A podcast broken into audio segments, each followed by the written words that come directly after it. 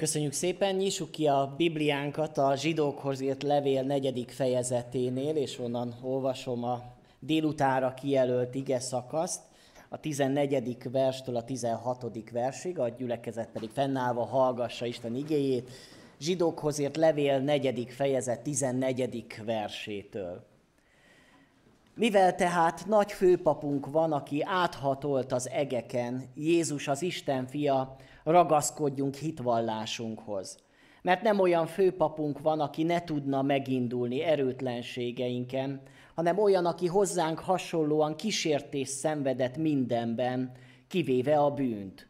Járuljunk tehát bizalommal és a kegyelem trónusához, hogy irgalmat nyerjünk és kegyelmet találjunk, amikor segítségre van szükségünk. Imádkozzunk. Atyánk, áld meg ezt a mai ige hallgatást, ige olvasást. Adoram, hogy személyesen válaszokat kapjunk, ami életünknek a nagy kérdéseire, vagy éppen most foglalkoztató, most e, próbában levő életünkben. Kérlek arra, Istenem, hogy akik most nehézségek között vannak, vagy terheket hordoznak, vagy éppen bűnök terhelik az életüket, hogy hadd tudjanak, tudjunk oda menni ehhez a kegyelem trónusához, és hadd tapasztaljuk meg, hogy Te szeretsz bennünket, hogy nagy főpapunk vagy, aki megindulsz a mi gyengeségeinken, a mi bűnös természetünkön, és köszönjük neked, hogy nem ítélettel, hanem kegyelemmel fordulsz felénk. Amen. Foglaljon helyet a gyülekezet. Mondtam a testvéreknek, hogy ősszel szeretnénk egy lelki gondozói tanfolyamot elindítani, és minket embereket gyakran használ és használni akar az Isten arra, hogy megvigasztaljunk másokat, hogy segítsünk egy-egy problémában másoknak. Az emberi élet, már akik az élet útján járjunk, tapasztaljuk, hogy nem olyan könnyű és nem egyszerű. Nagyon sok buktatója van az életnek, akár a személyes életben, akár gyülekezeti életben, akár a hívő életünk során, vagy az életvezetésünk során, és gyakran szükségünk van segítségre, tanácsra, és jó dolog megtapasztalni, hogy akkor van mellettünk egy ember, aki megért bennünket, aki nem elítél bennünket, hanem imádkozik értünk és tanácsokat ad. De milyen jó azt tudni, hogy az embereken túl, mert korlátozott az emberi segítség, mert bármennyire is képzetnek érezzük magunkat, hogy mi jó lelki gondozók vagyunk, vagy próbálunk segíteni másokon, azért gyakran érezzük a korlátainkat, hogy nem tudunk tovább segíteni másokon. De mégis milyen jó azt tudnunk, hogy van egy igazi lelki gondozónk nekünk, és az az igazi lelki gondozónk ott van a mennyben a mi főpapunk, az Úr Jézus Krisztus, aki áthatolt az egeken, és ott van az Atya Istennek a jobbján, és akiről azt írja itt az ige, hogy nem olyan főpapunk van, aki ne tudna megindulni a mi erőtlenségeinken. Nem olyan Istenünk van nekünk, aki ítélettel tekint ránk, hanem olyan, aki maga is keresztül ment az emberi életnek minden küzdelmén és minden fájdalmán, és hogyha úgy érezzük, hogy szenvedéseken megyünk keresztül, és nincs, aki megértse a mi szenvedésünket, akkor gondoljunk arra, hogy Jézus Krisztus nálunk sokkal nagyobb szenvedést viselt el, hiszen az, amit a Golgota keresztjén a fizikai fájdalom mellett a lelki, a szellemi tusáját jelentette, az az emberi szenvedéssel összemérhetetlen. És ez a Úr Jézus Krisztus, ami Istenünk, ami a, aki ott van és közben jár értünk az atyánál, ő esedezik értünk, és ő megért bennünket. Milyen jó ezt tudni, testvérek. És olyan gyakran látom embereknek az életében, hogy hordozzák magukkal a terhüket, hordozzák magukkal a bűneiket, és nincs ahová letegyék. És szenvednek is emiatt, és arra gondolnak, hogy nincs, aki megértsen engem, nincs, aki igazából segítene rajtam, pedig a megoldás már adott számunkra. Azt mondja az ige, hogy járuljunk bizalommal a kegyelem trónusához. Egy lépés az, hogy letedd a terhedet, egy lépés az, hogy megszabadulj a bűneitől, hogy oda menni a kegyelem trónusához, Jézus Krisztushoz. Ez a zsidókhoz írt levél egyébként különösen erről a témáról beszél, és vissza-visszatér ez a téma, hogy szükségünk van Jézus Krisztusra. A 12. fejezetben nagyon ismert igevers, hogy nézzünk a hit fejedelmére és bevégzőjére Jézusra. Hogy tegyünk le minden ránk nehezedő terhet és megkörnyékező bűnt, és kitartással fussunk az előttünk levő küzdőpályát. Hát hogyan tudnánk mi a hitnek a pályáján futni? Hogyan tudnánk egy győztes hívő életet élni, hogyha csak a magunk erejében bíznánk? A megváltó Úr Jézus Krisztus az, akire szükségünk van. És ma is testvérek, hívlak benneteket az igé, igének a bátorítása alapján, hogy gyertek, menjünk a kegyelem trónusához. És merjük őszintén kiönteni a mi félelmeinket, a szenvedéseinket, mindazokat a panaszainkat, ami bennünk van, és ami szorít bennünket. És milyen jó az, hogy Jézus Krisztus törődik velünk, hogy ő figyel ránk, milyen szépen van megfogalmazva, hogy a kegyelem trónusához mehetünk. Nem az ítéletnek a trónusához járulunk. Majd egyszer mindannyiunknak meg kell jelenünk Krisztus ítélő széke előtt. Van egy ilyen ige vers a Bibliába. De most még nem a Krisztus ítélő, ítélő széke elé járulunk. Sokan azt gondolják, hogy azért nem akarok Isten elé járulni, mert félek attól, hogy Isten elítél engem, hogy megítél engem, hogy majd számon kéri azt, hogy te hogy csinálhattad ezt, meg mi, milyen módon eshettél te bűnbe, hogyha már te hívő ember vagy, meg hogy, hogy nem vagy erős. De mi nem az ítélet székéhez járulunk, mert nem is oda hív bennünket, Jézus Krisztus, hanem a kegyelemnek a trónusához. Ahhoz a trónushoz, ahol az Isten kegyelmet ad. Milyen nagyszerű dolog ez a kegyelem. A kegyelem az a meg nem érdemelt jó indulat. És azt jó dolog, hogy mi mindannyian kegyelemből élünk, mert mit érdemelnénk, lehet, hogy azt, ígér, ítél, azt e, kaphatnánk, és azt érdemelnénk, hogy az Isten haragudjon ránk, vagy Isten azt mondja, hogy számon kérjen rajtunk valamit, de az Isten a kegyelmével jön felénk, hogy szeretlek, hogy bármit is tettél, bármilyen gyenge is vagy, bármilyen erőtelen is vagy, én szeretlek, és gyere ide hozzám, és mondd el azt, ami benned van. Isten mindazokat, akik a kegyelem trónusához mennek, azok kegyelmet nyernek. Egyedül azok, akiknek kemény a szívük, és büszkék vagy, azt gondolják, hogy erős vagyok én, nekem nincs szükségem a kegyelem trónusához, azok az emberek a megmenthetetlen emberek. És ma még amiről szeretnék beszélni, amiről tulajdonképpen az egész zsidókhoz írt levél szól, az az, hogy a hitnek az útján nagyon sok veszély van, hogy az ember meghátráljon, hogy az ember úgymond elveszíts, hogy elgyengüljön a hitében.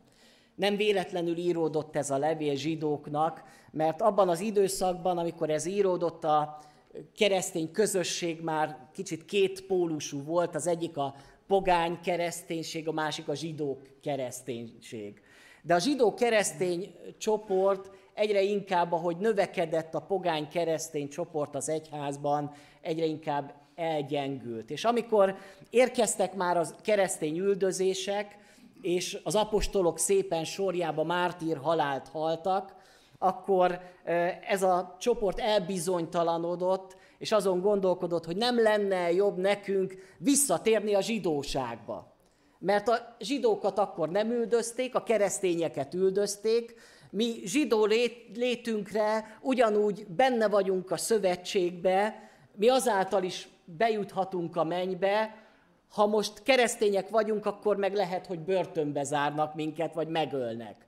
És ezért nagyon sok zsidó keresztény visszatért a zsidóságba, elhagyta a keresztény hitét, és a Jézus Krisztusba vetett hitét. És az a levél arról szól, hogy ez egy nem egy jó döntés. Bár nagyon szeretjük a zsidókat, a zsidó testvéreket, és remélem, hogy egyetlen antiszemita nincs ebbe a terembe, áldást kell mondanunk Izraelre, és Istennek az ószövetségi népére, és hisszük azt, hogy Istennek terve van még azzal a néppel. de ugyanakkor tudjuk azt, hogy majd Izrael számára is szüksége, szükséges lesz, hogy felismerjék a messiást, hogy Jézus Krisztus a megváltó, a világ megváltója. És akik már ezt felismertük, ezt az igazságot, számunkra nem az Ószövetség az út, hanem az Új Szövetség. Ezért ünnepeljük az úrvacsorát is az Új Szövetség emlékezetére, és ezt a szövetséget fogjuk újból átélni, és újból kimondani Istennek azt, hogy mi őt választottuk, és ő hozzá tartozunk. De mekkora kísértés a számunkra is, mai 21. századi keresztényeknek, hogy mi is ellankadjunk a hitünkben, vagy esetleg elforduljunk a hitünktől, hogy akár megkeményedjen a mi szívünk. A harmadik fejezetben ez egy nyomatékos felszólítás, a hetedik versbe így olvasjuk, ezért, amint a Szentlélek mondja. Tehát nem egy ember, a Szentlélek mondja. Ma, ha az ő szavát halljátok, ne keményítsétek meg a szívetekbe, mint, mint, szíveteket, mint az elkeseredéskor. Az ember elkeseredik, és az elkeseredettségében megkeményedik a szíve, és elfordul az ő Istenétől. Ez egy nagy kísértés nem csak az első században, hanem a mai korban is. Éltünk már ilyet, vagy éltünk már meg ilyen állapotot, amikor megkeményedett a szívünk, amikor nem hallgattunk már az Isten szavára, amikor nem jutott el hozzánk az Isten igéje, vagy nem érdekelt már minket az Isten igéje. Szörnyű állapota ez az embernek. És aztán még egyszer elmondja itt a zsidókhoz itt levél a 15. versben is, mert amikor ezt mondja az írás, ma ha az ő hangját halljátok, ne keményítsétek meg a szíveteket, mint az elkeseredéskor. Tehát kétszer egy szakaszon belül elmondja ezt az igét, mert aggódik azokért a keresztényekért, akik elkezdtek eltávolodni az Istentől nagyon könnyű eltávolodni az Istentől. És hadd mondjam el, hogy akik erősnek érezzük magunkat a hitbe, hogy mi aztán bármi is történik az életben, mi biztos, hogy az Isten mellett hűségesek vagyunk, ne gondoljuk magunkat erősnek. Aki áll, vigyázzon, hogy el ne essék. Nekünk igenis szükségünk van a kegyelemre, a kegyelem trónusához oda menni, és kérni azt, hogy Istenünk, nem vagyunk mi olyan erősek Néha a hitnek a harcaiban nem tudunk győztesek lenni, de te veled, a te segítségeddel, a te szent lelked által mi erősek lehetünk. A világban működik egy törvényszerűség, ez az entrópia elve. Nem tudom, hogy fizikusok talán vannak, akik fizikát tanultak, tudják, hogy miről van szó. Az entrópia elve azt jelenti, hogy minden lefelé épül, és minden az egyszerű formákra törekszik. Hogyha kiteszünk egy vasat, akkor előbb-utóbb az eh, korrodálódik és eh, eh, használhatatlanná válik. Akkor, hogyha az ember megtanul valamit az iskolába, és nem gyakorolja azt az ismeretet, előbb-utóbb elfelejti. Így vagyunk ezzel, igaz? Emlékszem, hogy én jó matekos voltam, matek versenyekre jártam, még tudok összeadni, szorozni is, meg kivonni, de mondjuk már egy bonyolultabb másodfokú egyenlet már biztos, hogy kifogna rajtam, pedig akkor nagyon könnyen megcsináltam. De nem gyakoroltam, elfelejtettem, leépült ez a tudásom. Nagyon sok minden leépül az emberbe, hogyha nem gyakorolja. Hogyha az ember jó sportoló, de abba hagyja a sportolást, eh, akkor hiába volt olimpiai bajnok, egy idő után megpocakosodik, és ellustul, és már alig tud lefutni egy egy kilométeres távot is. Mert lefelé épülnek a dolgok. Hogyha nem fektetünk bele energiát valamibe, akkor az úgy ellanyhul az életünkbe. És testvérek, ne gondoljuk azt, hogy a hívő élet nem ilyen.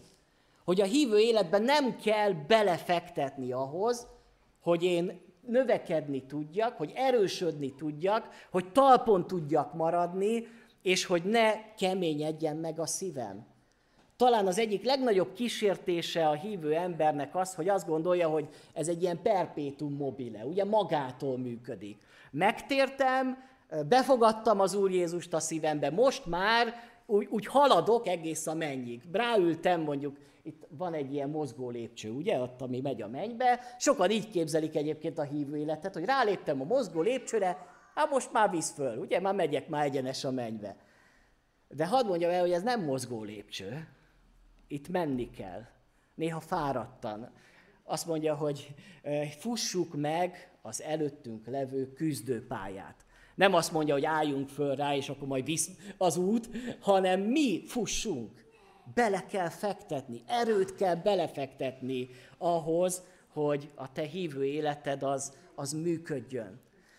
A törekvőknek szoktam azt tanítani, hogyha, hogy négy olyan dolog szükséges a, a hívő életbe, amit rendszeresen kell gyakorolni, mert ha nem gyakorlunk, akkor leépül a hívő életünk. Hát most, ha itt vannak a törekvők, már kikérdezném őket, hogy mi az a négy dolog, de elmondom, az egyik az imádság, a másik a bibliaolvasás, a harmadik a közösség, és a negyedik a szolgálat. És azt szoktam mondani a törekvőknek, hogy ha négyből csak egy hiányzik, már nem fog úgy működni a hívő életed. Mind a négynek a helyén kell lenni. Hogyha csak azt gondolod, hogy jó, hát én szoktam Bibliát olvasni, de imádkozni nem szeretek, akkor valószínű, hogy nem fog úgy működni a hívő életed. Ha csak azt mondod, te imádkozni szoktál, de Bibliát olvasni nem szeretsz, akkor megint csak nem működik a hívő élet. Mind a négy dolog szükséges és kell ahhoz, hogy a hívő életed erős legyen, stabil legyen, hogy fejlődjél és növekedjél a te hitedbe. Emlékszem, mikor lelki pásztor jelhívásommal így küzdöttem, és Pap János testvér, akkor ő volt a lelki pásztorunk ott Sopronba, beszélgettem, és akkor János azt mondta, hogy nem könnyű lelki pásztornak lenni. Azt mondja, olyan a lelki pásztornak a szolgálata, mint egy cirkuszi mulatságos. Mert vannak ilyen tányérpörgetők a cirkuszi mulatságba, akiknek az a dolguk, hogy fölraknak ilyen rudakra tányérokat, és megpörgetik, és azok pörögnek a rúd tetején. De a tányérpörgetőnek mindig szaladni kell, hogy véletlenül le ne essen másik, mert hogyha nem ér oda, akkor leesik a tányér. És azt mondta nekem Pap János, hogy e, lelkészként egy ilyen tányérpörgető leszel majd. Szaladsz majd a gyülekezeti tagokhoz, hogy véletlenül valamelyik le ne essen. Mert ha nem érsz oda, akkor összetörnek, akkor leesnek. Én akkor ezt nem hittem el, hát, de aztán látom sokszor, hogy tényleg sokszor ilyen a lelkészi szolgálat, hogy, hogy szaladgálni, mert ha nem érek oda, akkor, akkor lehet, hogy már valami olyan dolog történik. Ugyanakkor szerintem nem ez a normális. Mert hogy nekünk nem arra kell várnunk, hogy a lelkész majd mindig megpörgessen minket egy kicsit. Hogy egy kicsit úgy föltüzeljen bennünket, hanem mi magunk is lehetünk, akik magunkat pörgetjük, persze az Isten pörget minket, azáltal, hogy rendszeresen olvassuk a Bibliát, hogy rendszeresen imádkozunk, hogy rendszeresen közösséget gyakorlunk, és rendszeresen szolgálunk. Mert hogyha ezeket teszitek, és ezeket tesszük, akkor az életünk működni fog. És itt ebben a ige szakaszban is látjuk ezeket az igazságokat. Egyrészt, amiről beszél a zsidókhoz itt levél, hogy ragaszkodjunk a hitvallásunkhoz. Hát mit is jelent ez a hitvallás? Gondolhatnánk talán a baptista hitvallásra, de hát ugye ez még nem a baptista hitvallás. Alapvetően a hitigasságokhoz való ragaszkodást jelenti. Az, azt mondja ez a kifejezés a homológion, hogy együtt mondani valakivel, ezt jelenti ez a kifejezés a hitvallás, vagyis hogy ragaszkodjunk ahhoz, hogy együtt beszéljünk az Istennel, vagy hogy ugyanazt gondoljuk, amit az Isten gondol. Hogy az ő gondolatai a mi gondolataink legyenek.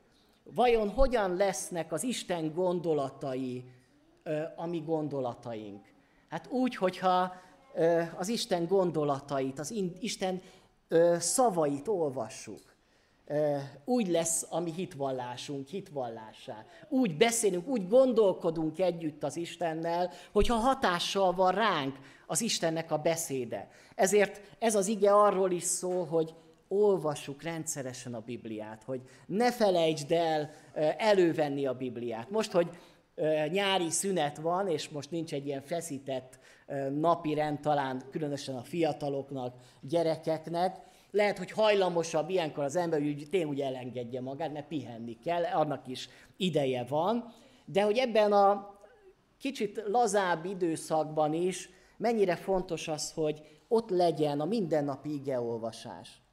Hogy vegyétek elő. És Kedves fiatalok, meg idős testvérek, tudom, hogy nehéz sokszor egy mai kor emberének olvasni, mert egy vizuális kultúrában élünk. Sokkal könnyebben veszük elő a mobiltelefonunkat, és nézzük meg a közösségi oldalakat, hogy éppen ki mit posztolt, mint az, hogy elővegyük a Bibliát, és elolvassunk valamit, amit üzenni akar az Isten. De vajon jobban érdekel bennünket, hogy mit posztol egy másik ember, mint hogy mit üzen maga az Isten? Hogy ő mit posztolt ki a, az ő közösségi oldalára, hát ez a gyülek, ez, ez az Istennek a Facebook oldala. Ez sokkal jobb és sokkal tanulságosabb, mint az, hogy a Facebookot nézegessétek. Ezért ez egy lényeges dolog, és egy eldönt, el kell döntened a szívedbe, hogy te ezt rendszeresen fogod tenni. Ne, ne várd azt, hogy majd akkor olvasol Bibliát, amikor neked ehhez kedved lesz. Sokan vagyunk így, hogy, hogy így az érzelmi keresztények, hogy ha úgy, van, ha úgy érzem, akkor előveszem a Bibliát. De milyen dolog lenne az, hogy ha te akkor mennél be dolgozni, hogyha úgy érzed, hogy kedved van. Ugye? Lehet, hogy soha nem menné be, nem? Vagy nagyon ritkán menné be dolgozni. Hát most nincs kedvem. Jönne a főnök szólna, hogy hát miért nem jöttél dolgozni? Hát nem volt kedvem, nem? Hát most ilyen napom van, most nem akarok. Hát másnap mondja, hogy már ne is gyere, ugye? Biztos, hogy ezt mondaná. És az Istennél megtehetem, hogy azt mondom, hogy nincs kedvem. Lehet, hogy akkor rögtön megjön a kedved, amikor elkezded gyakorolni. És ez, a, ez éppen a harc, amikor az első lépés. Lehet egy vasárnap reggel, nincs kedvem imaházba jönni, ugye? Hányan ébredtetek ma így, hogy legszívesebben más csináltatok volna? Kíváncsi vagyok ki az őszinte, hogy fölmerné tenni a kezét, hát lehet, hogy senki nem, de ha őszinték vagyunk bennünk, lehet, hogy megfordult bennünk ez a gondot, hogy elmenjek, egy picit jó lenne még kicsit alukázni, gyerekekkel kimenni a strandra, szóval annyi mindent lehet csinálni ebbe a jó időbe. Aztán mégis eljöttetek, azért, mert legyőztétek azt az első érzést. És ez egy győzelem. Minden ilyen győ, dolog, amikor az Isten mellett tudok dönteni, az érzelmeim ellenére, az egy győzelem. És annál erősebb lesz. És mindaz az, az a dolog, amikor meg azt mondod, hogy nem megyek, mert, mert most fáradt vagyok, akkor elkezd folyamatosan keményedni a szíved. És azt veszed észre, hogy eltelik nem egy hét után még nem, de lehet, hogy eltelik két hónap, és már abszolút nincs kedved imaházba jönni. És már annyira megkeményedett a szíved, hogy, hogy már nem is érdekel az egész. És ettől az állapottól akar minket megóvni és félteni ez az ige, hogy ne keményedjék meg a szívetek, hogy ragaszkodjatok a hitvallásotokhoz, ragaszkodjatok az Isten igéjéhez, az Isten szavához, mert ha nem, nincs ott az életetekbe, akkor, akkor elgyengültök. Ragaszkodni, milyen jó kifejezés, ez emlékeznek a testvérek, hogy hol hangzik el ez az ige. Ott, amikor Ádámnak megteremti Évát, és azt mondja az Isten, hogy elhagyja a férfi apját és anyát, és ragaszkodik az ő feleségéhez, és kette lesznek egy testé. Ragaszkodik a férje a feleséghez, és a feleség ragaszkodik a férjhez. Elválaszthatatlanok, szeretik egymást, és ebben a boldogságban teljesedik ki az életük. És hogyha elszakadnak egymástól, az sebeket okoz mind a kettejükbe. És ugyanígy ragaszkodunk az igéhez, a, a, a, az Isten beszédéhez, mert ha elszakadunk egymástól, akkor sebeket okoz az nekünk. Ragaszkodjatok a hitvallásotokhoz. Olvastam egy történelmi példát, ígérem, hogy nem leszek nagyon hosszú, mert tudom, hogy nagyon meleg van, de ez a e, példa e, az 1600-as években történt, e, amikor Magyarországon nagyon hamar e, áttörést jelentett a reformáció, és a 17. század elejére Magyarország lakosságának 70%-a protestáns lett. Most ez az arány egészen más. De vajon miért lett ez az arány? Mert hogy a, a Habsburgok azok maradtak katolikusok, és egy erőteljes rekatolizálás történt az országba, és az 1670-es években összegyűjtötték a protestáns lelkészeket, hogy őket rávegyék arra, hogy újra katolizáljanak.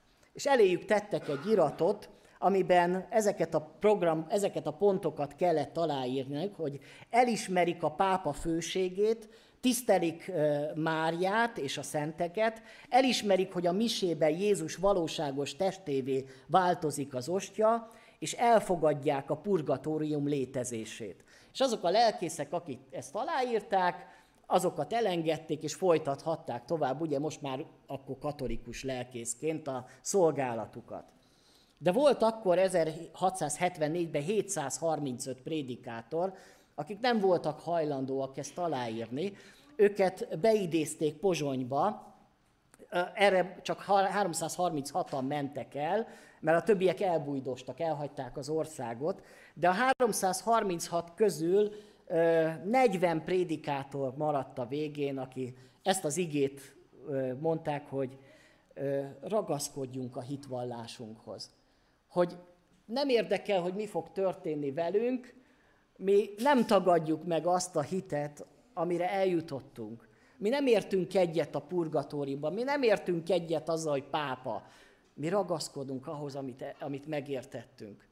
Őket Gája rabságra küldték Nápolyba, és a, ezeket a gája rabokra egyébként a debreceni nagy templomnak a, az udvarába is van egy e, ilyen szobor a, ezekről a gája, gája rabságra ítélt e, lelkészekről. Nekik nagyon fontos volt, ragaszkodjunk ahhoz, a, a hitvallásunkhoz, ragaszkodjunk ahhoz, amit megértettünk. Mi is ragaszkodunk az igazsághoz, a, a, a Krisztusi igazsághoz. És a másik dolog, ugye itt a, a Biblia olvasás, a másik pedig az imádság.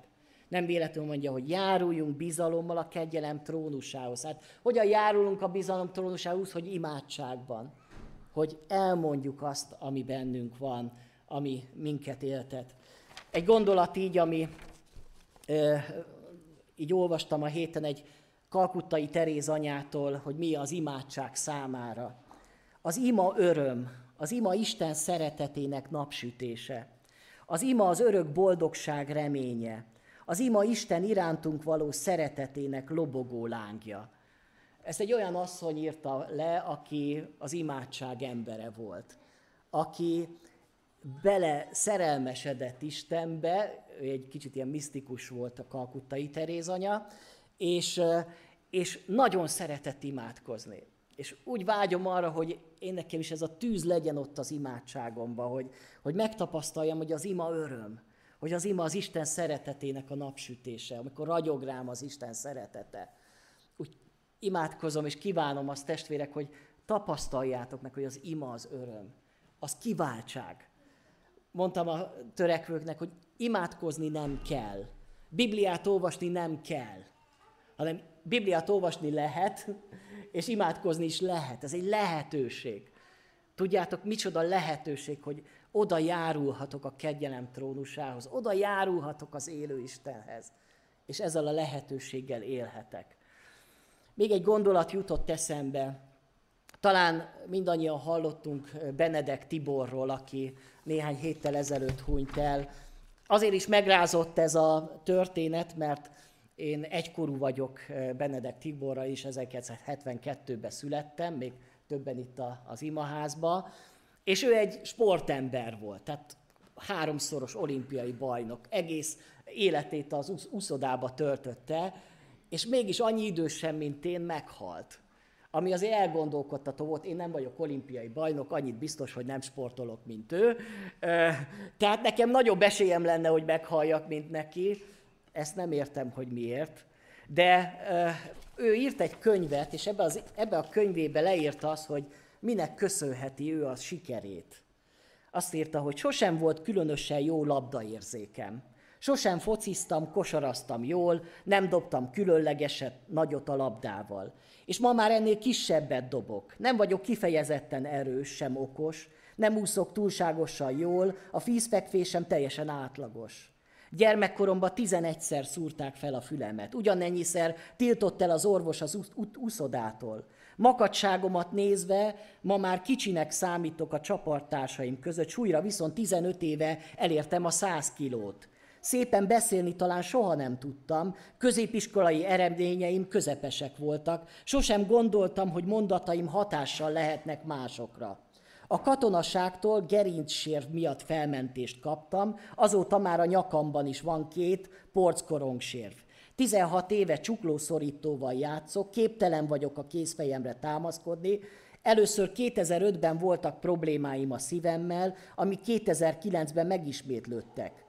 Mégis, ha legvégül össze kell foglalnom a sikereim okát, csak annyit mondanék, hogy én mindig jobban akartam. Ez az én tehetségem. Annyira döbbenetes, nem? Őszintén elmondta, hogy én, én egy teljesen átlagos ember vagyok. Sőt, lehet, hogy átlag alatti. De nagyon akartam. És nagyon küzdöttem. És ennek a nagyon akartam, és nagyon küzdöttem, ennek megvolt a gyümölcse, az eredménye. Háromszoros olimpiai bajnokság, edzőként is nagy sikereket ért el. Vajon a hívő életbe hogyan juthatunk előre? Lehet, hogy magamat úgy érzem, hogy én nem vagyok egy különös tehetségű hívő ember. Nem vagyok egy nagy beszélőkéjű ember. Lehet, hogy ti máshogy gondoljátok. Nem vagyok semmiben. Én nem érzem magam különösnek de akarom. Lehet, hogy jobban, mint mások. És vajon te jobban akarod-e, mint mások, hogy te elnyert az élet koszorúját, az aranyérmet ott a mennybe? Mert akkor ebbe be, be, be, be kell fektetni. És a befektetés egy apró dolgokba kezdődik, mint ahogy a sportoló is reggel fölkel és elmegy edzeni akkor lehet, hogy ott nem ér sem. Nem, nem, az, a, nem az, az a csúcs, amikor majd ott van az olimpián, és ott, ott áll a dobogon. De mennyi sok lemondás, mennyi sok harc van mögötte. És lehet, hogy a hívő életet azt gondoljuk, az a csúcs, amikor valaki bemerítkezik, valakit oda vezetek az Úr Jézushoz, amikor bizonyságot teszek, a kiállok szolgálni, emberek ezreinek beszélek. De mi van mögötte? hány biblia óra, vagy biblia tanulmányozás, hány imádság, hány ö, át nem aludott éjszaka, amikor, amikor Isten elé járultam. Akarom, belefektetek. Testvérek, erről, erre hív bennünket ez az ige, hogy ne engedjük, hogy megkeményedjen a szívünk, ne engedjünk, hogy ellustuljon a hívő életünk, hanem kitartással fussunk az előttünk levő pályán, és nézzünk fel a hitnek szerzőjére és bevégzőjére Jézusra. Amen. Csendesedjünk el és imádkozunk. Kis Tibor testvért kérném hangos imádságra.